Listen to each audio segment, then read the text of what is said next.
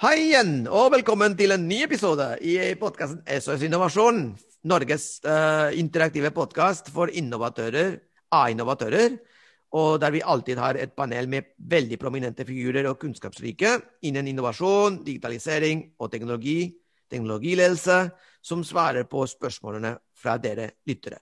Mitt navn er Salvador Baye, daglig leder i Intellis, rådgiver innen innovasjon og teknologiledelse og partner for mentoring og investor relations i Agrator, inkubatoren for en renere, bedre verden. Denne gangen, og for siste gang, i, eh, for siste gang med dette panelet, har vi, uh, har vi Mario Eka Parisio, Head of E-commerce og produktsjef i Vips. Og Gunn Kristin Wamheim, som er ansvarlig for produktutvikling i Digital Norway. Hallo, hei, begge to. Partnerutvikling. Partnerutvikling, hva er det jeg sa? Du sa produkt. Nei, partnerutvikling, men jeg er ansvarlig for partnerutvikling i Digital Norway. Um, uh, jo, og uh, på slutten av denne podkasten kommer vi som vanlig å presentere en, uh, en, veldig spennende startup. Så stay tuned. Og selvfølgelig um, abonner på podkasten SOS Innovasjon, både på Spotify og på Apple Podkast. Og dere kan også uh, følge uh, nettsiden min, salvadorbaye.com, med min blogg, der jeg skriver om, uh, om innovasjon og teknologihelsetemaer innenfor de områdene. Og send gjerne dine spørsmål om innovasjon, teknologi og entreprenørskap til salvador.baye.intellis.no, eller på salvadorbaye.com, kontakt, eller kan, dere kan besøke Facebook-gruppen SOS Innovasjon. Og nå, uh, direkte på spørsmålene. Første spørsmål i dag er hva er den største feilen en gründer kan gjøre? Og Det er et ganske bredt uh, spørsmål, men, men, kanskje har dere, har dere noen, noen, noen, noen tekst her. Uh, Gunn, du har jobbet med mange sånne små og mellomstore bedrifter som ja, hvis ikke er startup, så kan i hvert fall være veldig nære på. Og så har du vært gründer òg. Mm -hmm. så spørsmålet er jo, hva, hva syns du er den største feilen en gründer kan gjøre? Nei, altså jeg tror, eh, eller jeg vet, den største feilen en gründer gjør, er å kanskje bli forelska i ideen sin. Mm. Bli forelska i produktet sitt. Mm. En har liksom Wow, jeg har sett lyset. Og så gjør en kanskje, eller en gjør ikke god nok undersøkelse i forhold til kundeinnsikt. Sånn, jeg føler at dette med kundeinnsikt har jo vært litt sånn gjen, gjengående tema i de episodene vi har snakket om nå. Mario snakker jo veldig mye om verdien av data. Eh, men før du har masse data å undersøke, så er det jo så enkelt at du snakker med målgruppa di og at du på en måte lytter til målgruppa di. Og du hører òg det som målgruppa sier som du kanskje ikke liker. Mm. Eh, for en av de største utfordringene når en etablerer en virksomhet eller skal komme opp med nye produkter, er jo den der berømte egenskapen 'kill your darlings'.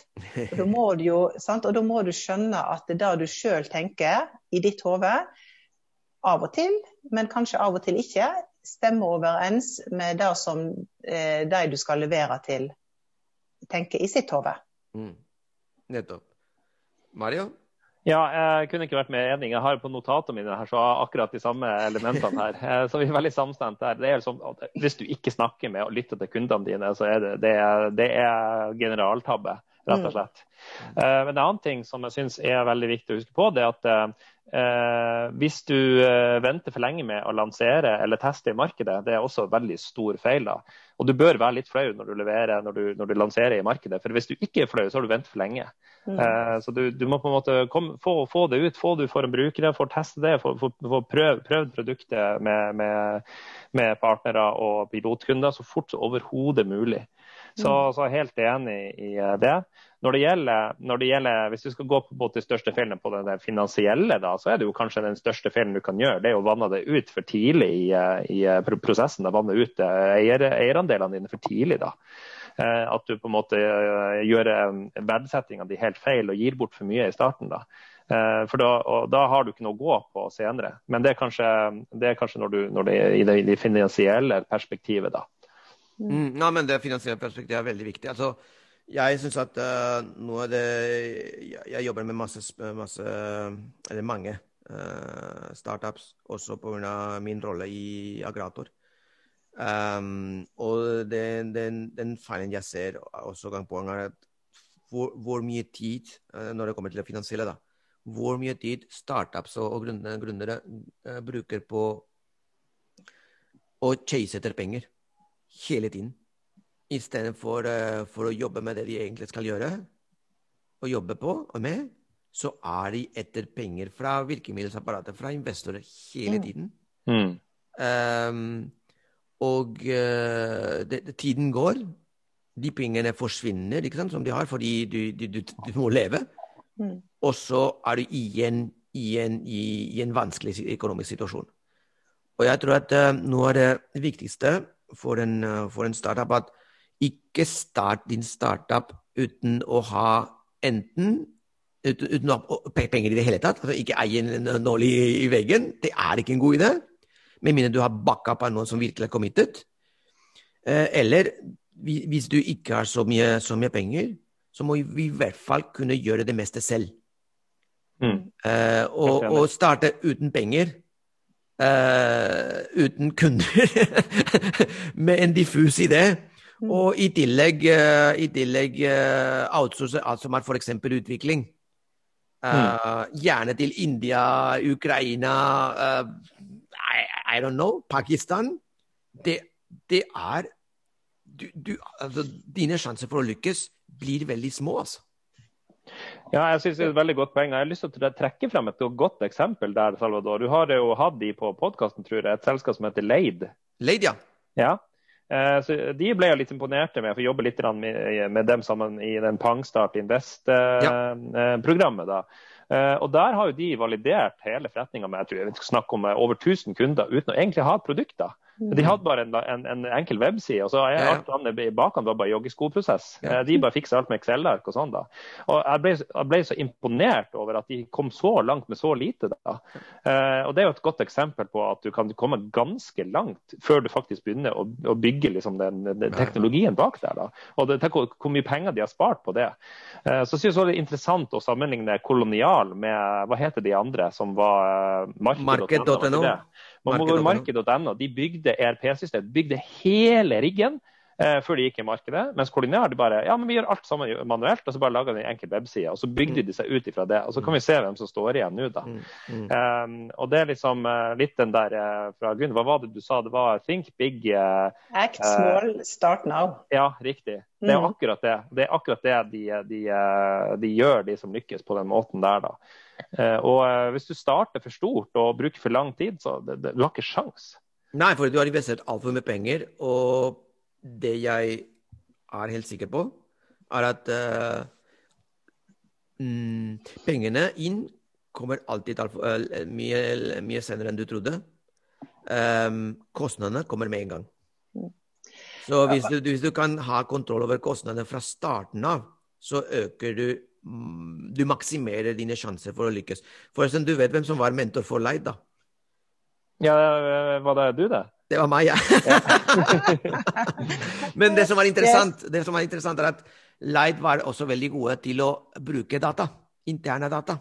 Mm. Og vi hadde noen sessions, og da de switchet fra å gå fra business to business to business to consumer, de trodde faktisk at den ene markedet de hadde, egentlig Det var ikke det.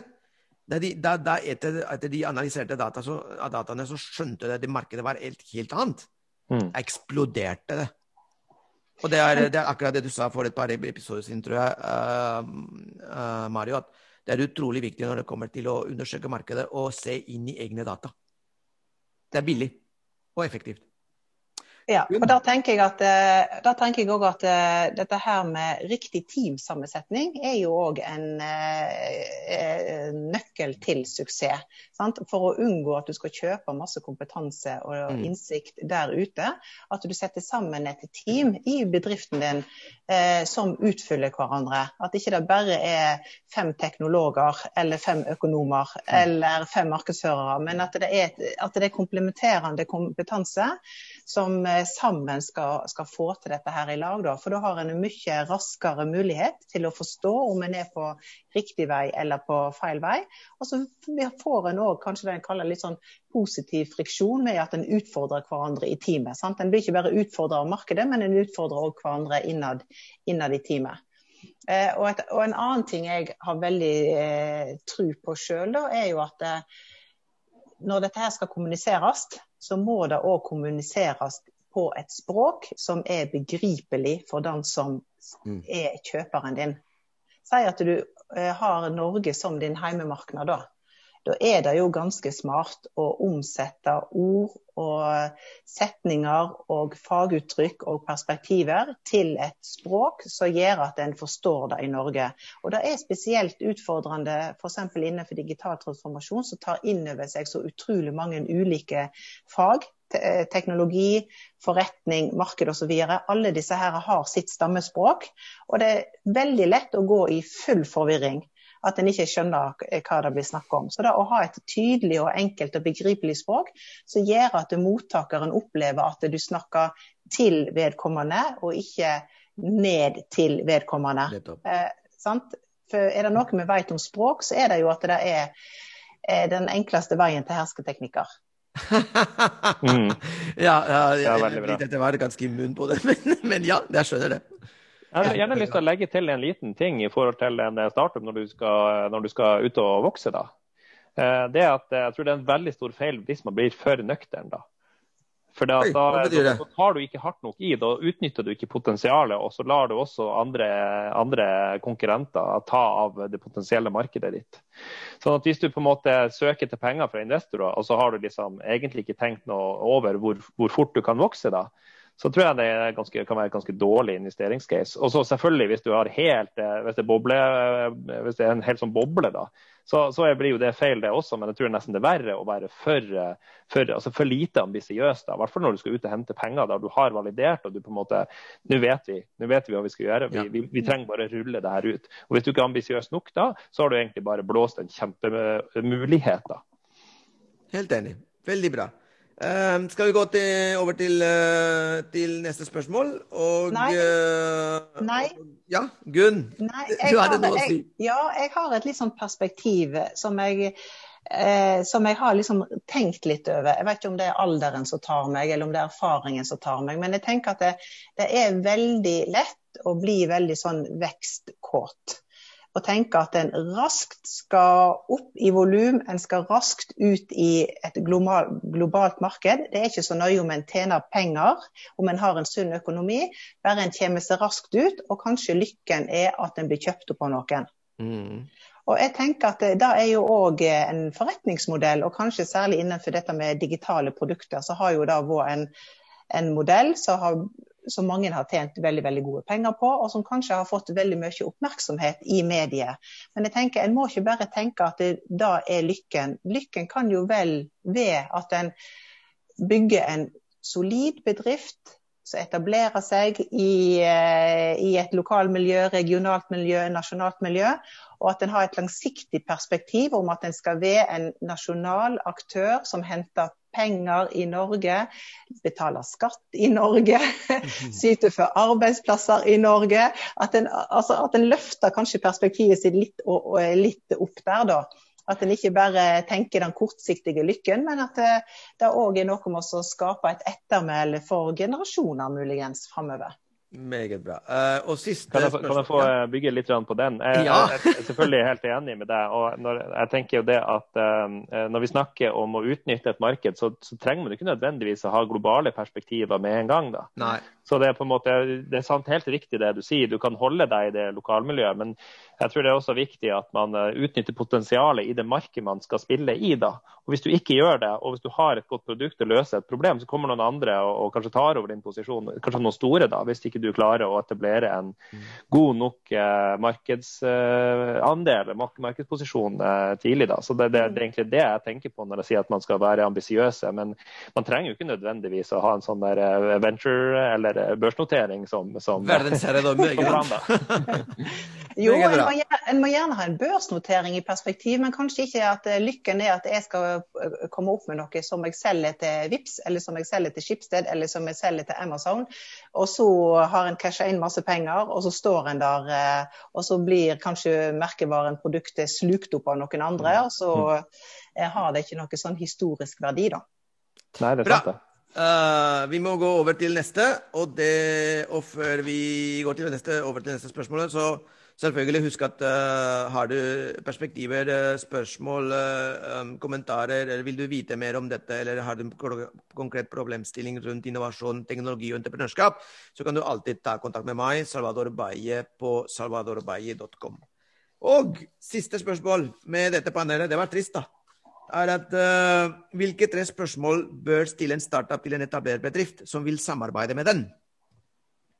Det er tre spørsmål. Mario, har du tre spørsmål? Ja, uh, det tror jeg faktisk jeg har. ja, først så må man eh, stille spørsmål om hva den etablerte bedriften har som tanker og strategier innenfor den aktuelle industrien. Få innsikt i hva, hva tenker de skal skje, hva, hva, hvordan ser de seg sjøl i denne, uh, dette markedet eller den industrien. Det andre spørsmålet er hvilke andre startups har bedriften samarbeidet med? Hvis ingen, hvorfor ikke? Og hvis noen, hvem er det?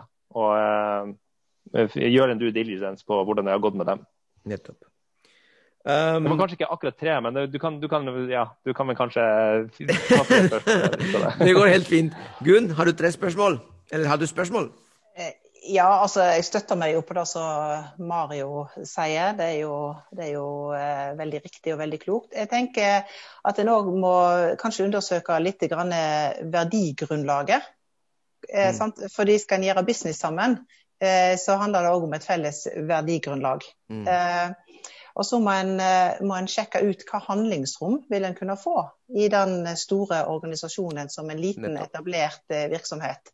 Blir en slukt, eller får en faktisk et handlingsrom eh, til å være med og påvirke og ha et eierskap i samarbeidet videre?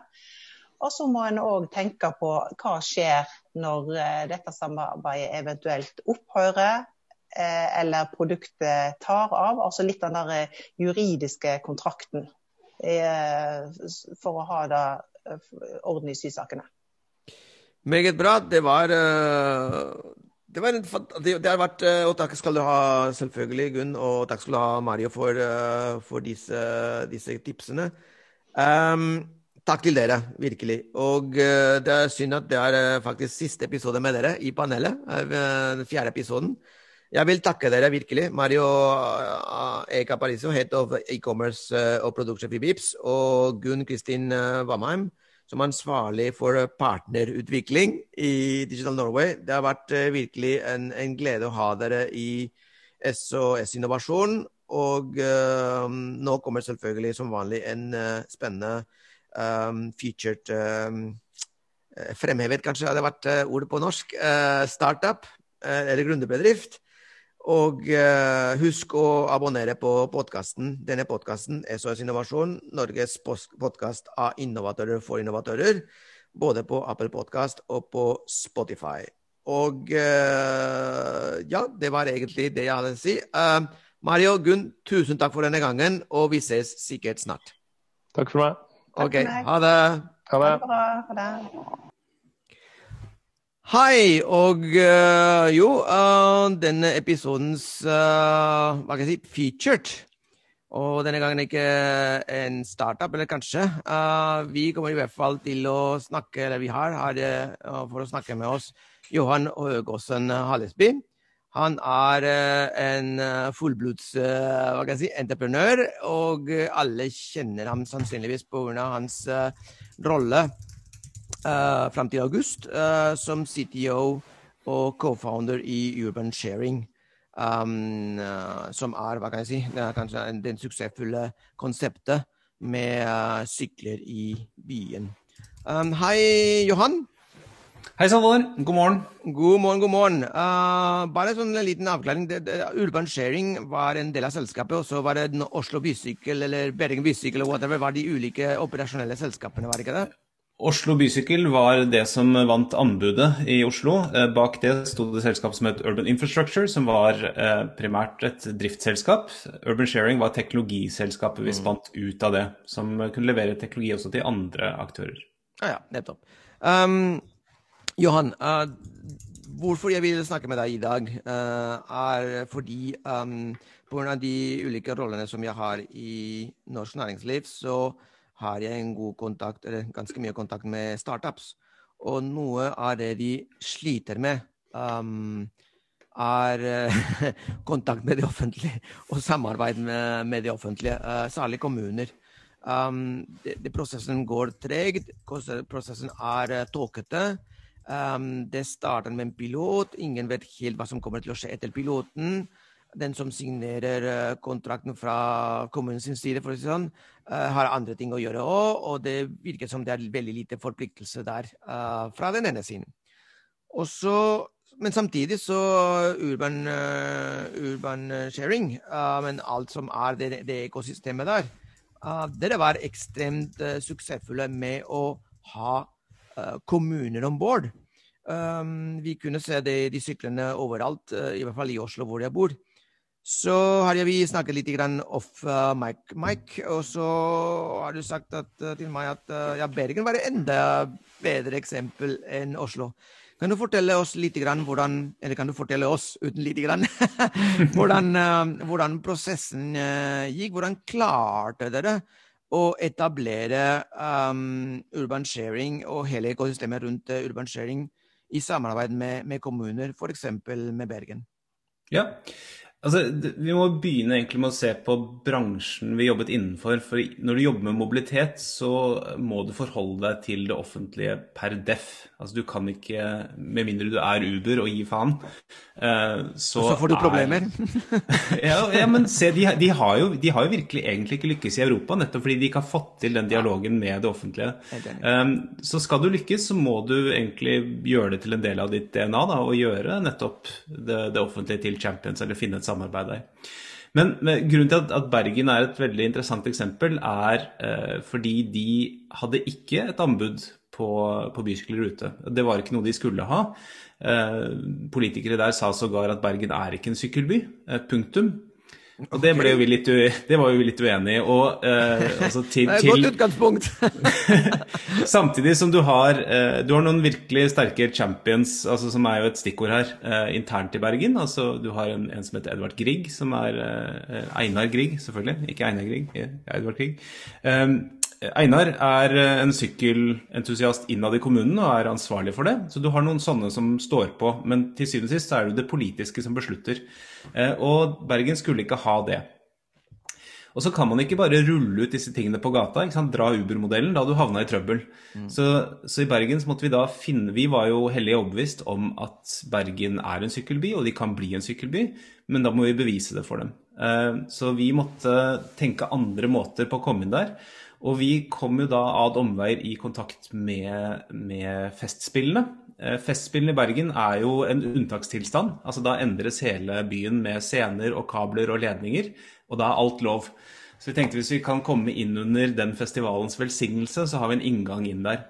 Eh, og de hadde med seg også en sponsor eh, i DNV GL, som var opptatt av å promotere grønne, sikre osv. Så, de sa den regninga kan vi være med å betale. Så da hadde du Festspillene, som var hva skal jeg si, endorsement av det, og DNVGL som var med å ta regninga. Og da hadde vi en modell som gjorde at vi kunne eh, kjøre testanlegg i Bergen. Så det dere, eh, gjorde egentlig, var å finne en loophole? Loophole? Uh, loophole. Ja, altså det, og det, det, fikk vi da lov til. Så det ble da som et prosjekt. Det var vel en tre-fire uker eh, mm. hvor vi skulle rulle ut dette her. Eh, pakka med så mye sykler som det var plass til i en trailer. Kjørte det over fjellet, eh, rundt 200 sykler. Eh, og satte det opp som en del av festivalen, ikke som en installasjon i byen. Nettopp. Og så var vi da Eh, og så kjørte vi jo på en måte det, hele den riggen vi hadde bygget for Oslo, med alt innebæra markedsføring og apper og backend og hele pakka, så vi kunne på en måte bare push play på å rulle det ut i Bergen. Eh, og så var vi selvfølgelig litt heldige med været her, eh, fordi det var ikke bare regn, det var mye sol i den perioden. Ja. Men det som skjedde, eh, og som var veldig interessant, var eh, at byen begynte å sykle. Altså det var, ble jo uh, mange tusen brukere og enda flere 10 000 turer på dette anlegget i løpet av noen uker, uh, som gjorde at det ble lederartikler i avisene hver dag. Mm. og det som ble skrevet om, var jo oi, kanskje vi er en sykkelby likevel. og se, her sykler ungdommen. Fordi sykler i Bergen hadde vært knyttet til eh, hva skal jeg si, pendlersyklister i trikot. Og plutselig hadde du 15-åringer i byen som sykla. Så du fikk en rekrutteringsmekanisme. Så, så, det er noe der med show, don't tell. Med plutselig så kunne politikere og journalister og andre kunne se nye brukergrupper som brukte byen. Så det, det var jo beviset det.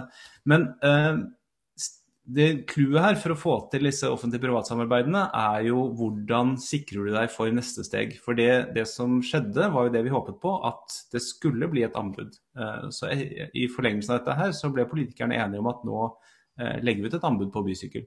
Og det er en typisk, unnskyld, det er en typisk problemstilling som, som startups også møter, ikke sant?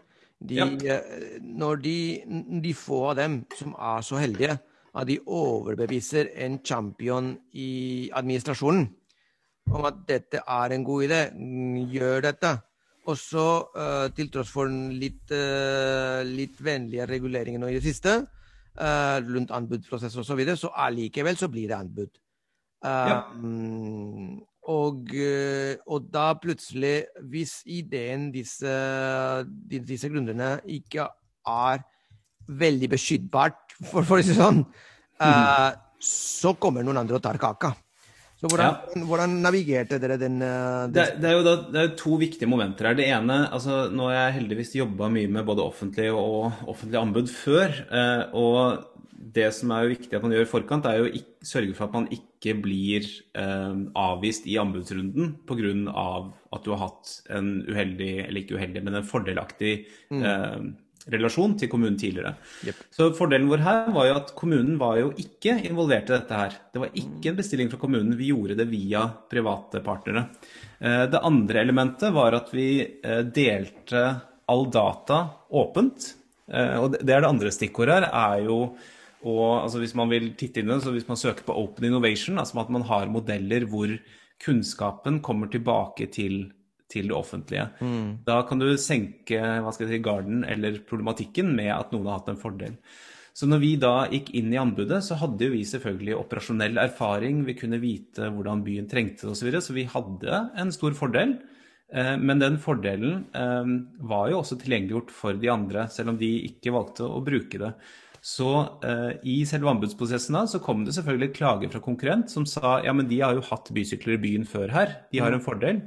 Men da kan kommunen snu seg rundt og si ja, men det kunne dere også gjort. De ble ikke gitt noen fordel. De tok Nei. det initiativet og lærte av det, og de delte dataene tilbake. Nettopp. Det er ikke konkurransevridende. Men eh, det forsinker prosessen der også, og det er det som er problematisk i dette her, er jo den derre dansen etter en anbudskonkurranse hvor folk klager og det er advokater og kjør.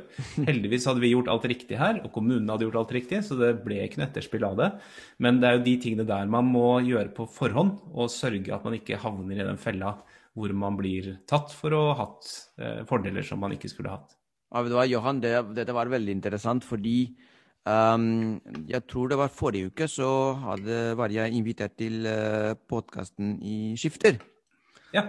Og da, uh, da ble jeg spurt av, Lukas ok, hva er det, hva er det som, som, fra starten av kan definere eller kan hjelpe en startup til å, til å lykkes. Og noe av det jeg sa, var at de som de, de en, to, tre, whatever gründere som starter startupen eller selskapet, um, bedriften, de må Altså, de har en stor fordel hvis de kommer fra bransjen, enten fra industrien eller fra kundesida.